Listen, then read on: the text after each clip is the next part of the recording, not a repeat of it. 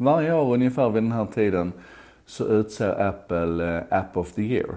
Och det gör man på olika kategorier för olika plattformar och olika geografisk indelning. Och här i Sverige så var det en ganska ointressant app som heter eh, Videolip från Enlight som vann. Och det är helt enkelt en videoredigeringsapp. Inte speciellt mycket att prata om. Utan vi kan istället prata om den som vann i USA.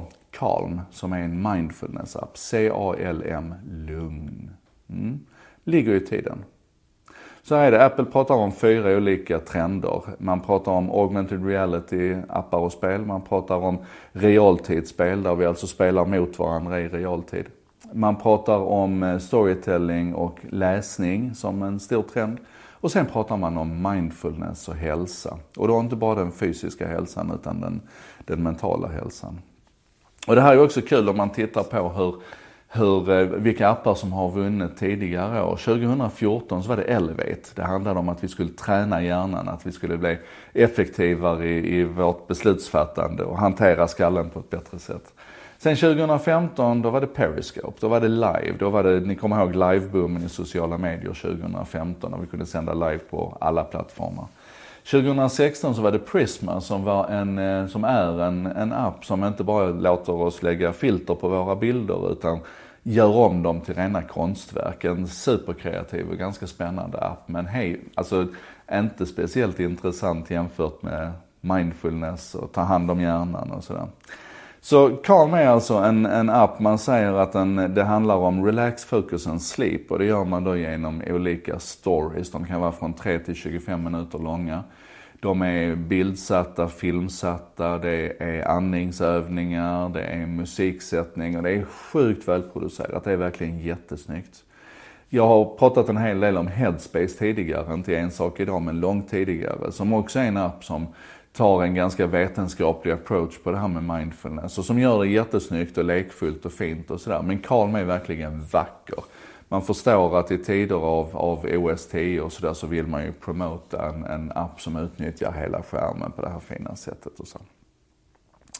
Det som, det som jag tycker är, är spännande här det är lite grann att, att det blir så tydligt hur telefonen har blivit en, en mix av arbetsredskap och någonting annat. Hur vi i ena änden använder den för maximal nytta när vi googlar och vi kör våra affärsapplikationer och vi fixar mailen och sådär.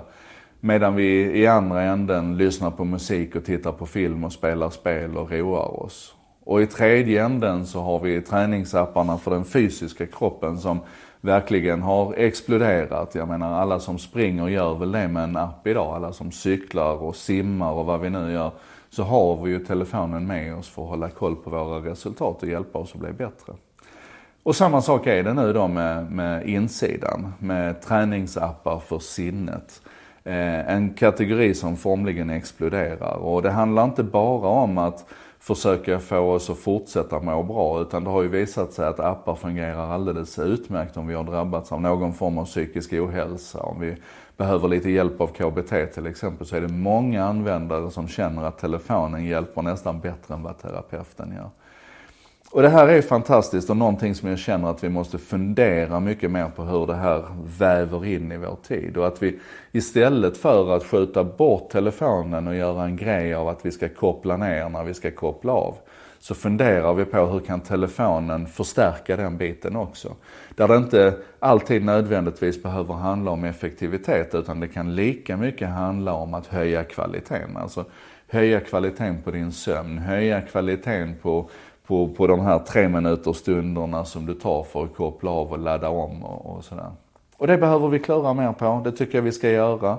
Vår egen mentala attityd och inställning, känslomässiga inställning, emotionella inställning till telefonen och tillåta den att komma nära klura lite grann på det idag, på din relation. Jag tror, vi, ja, jag tror det är nyttigt. Och sen så vill jag säga att eh, avsnitt 100 som jag gjorde av En sak idag, där pratar vi om att eh, få in lite feedback och som tack för hjälpen dela ut en iPhone 8. Och nu är det så här, grattis Lennart Gullbrandsson, fantastiska, underbara Lennart Gullbrandsson.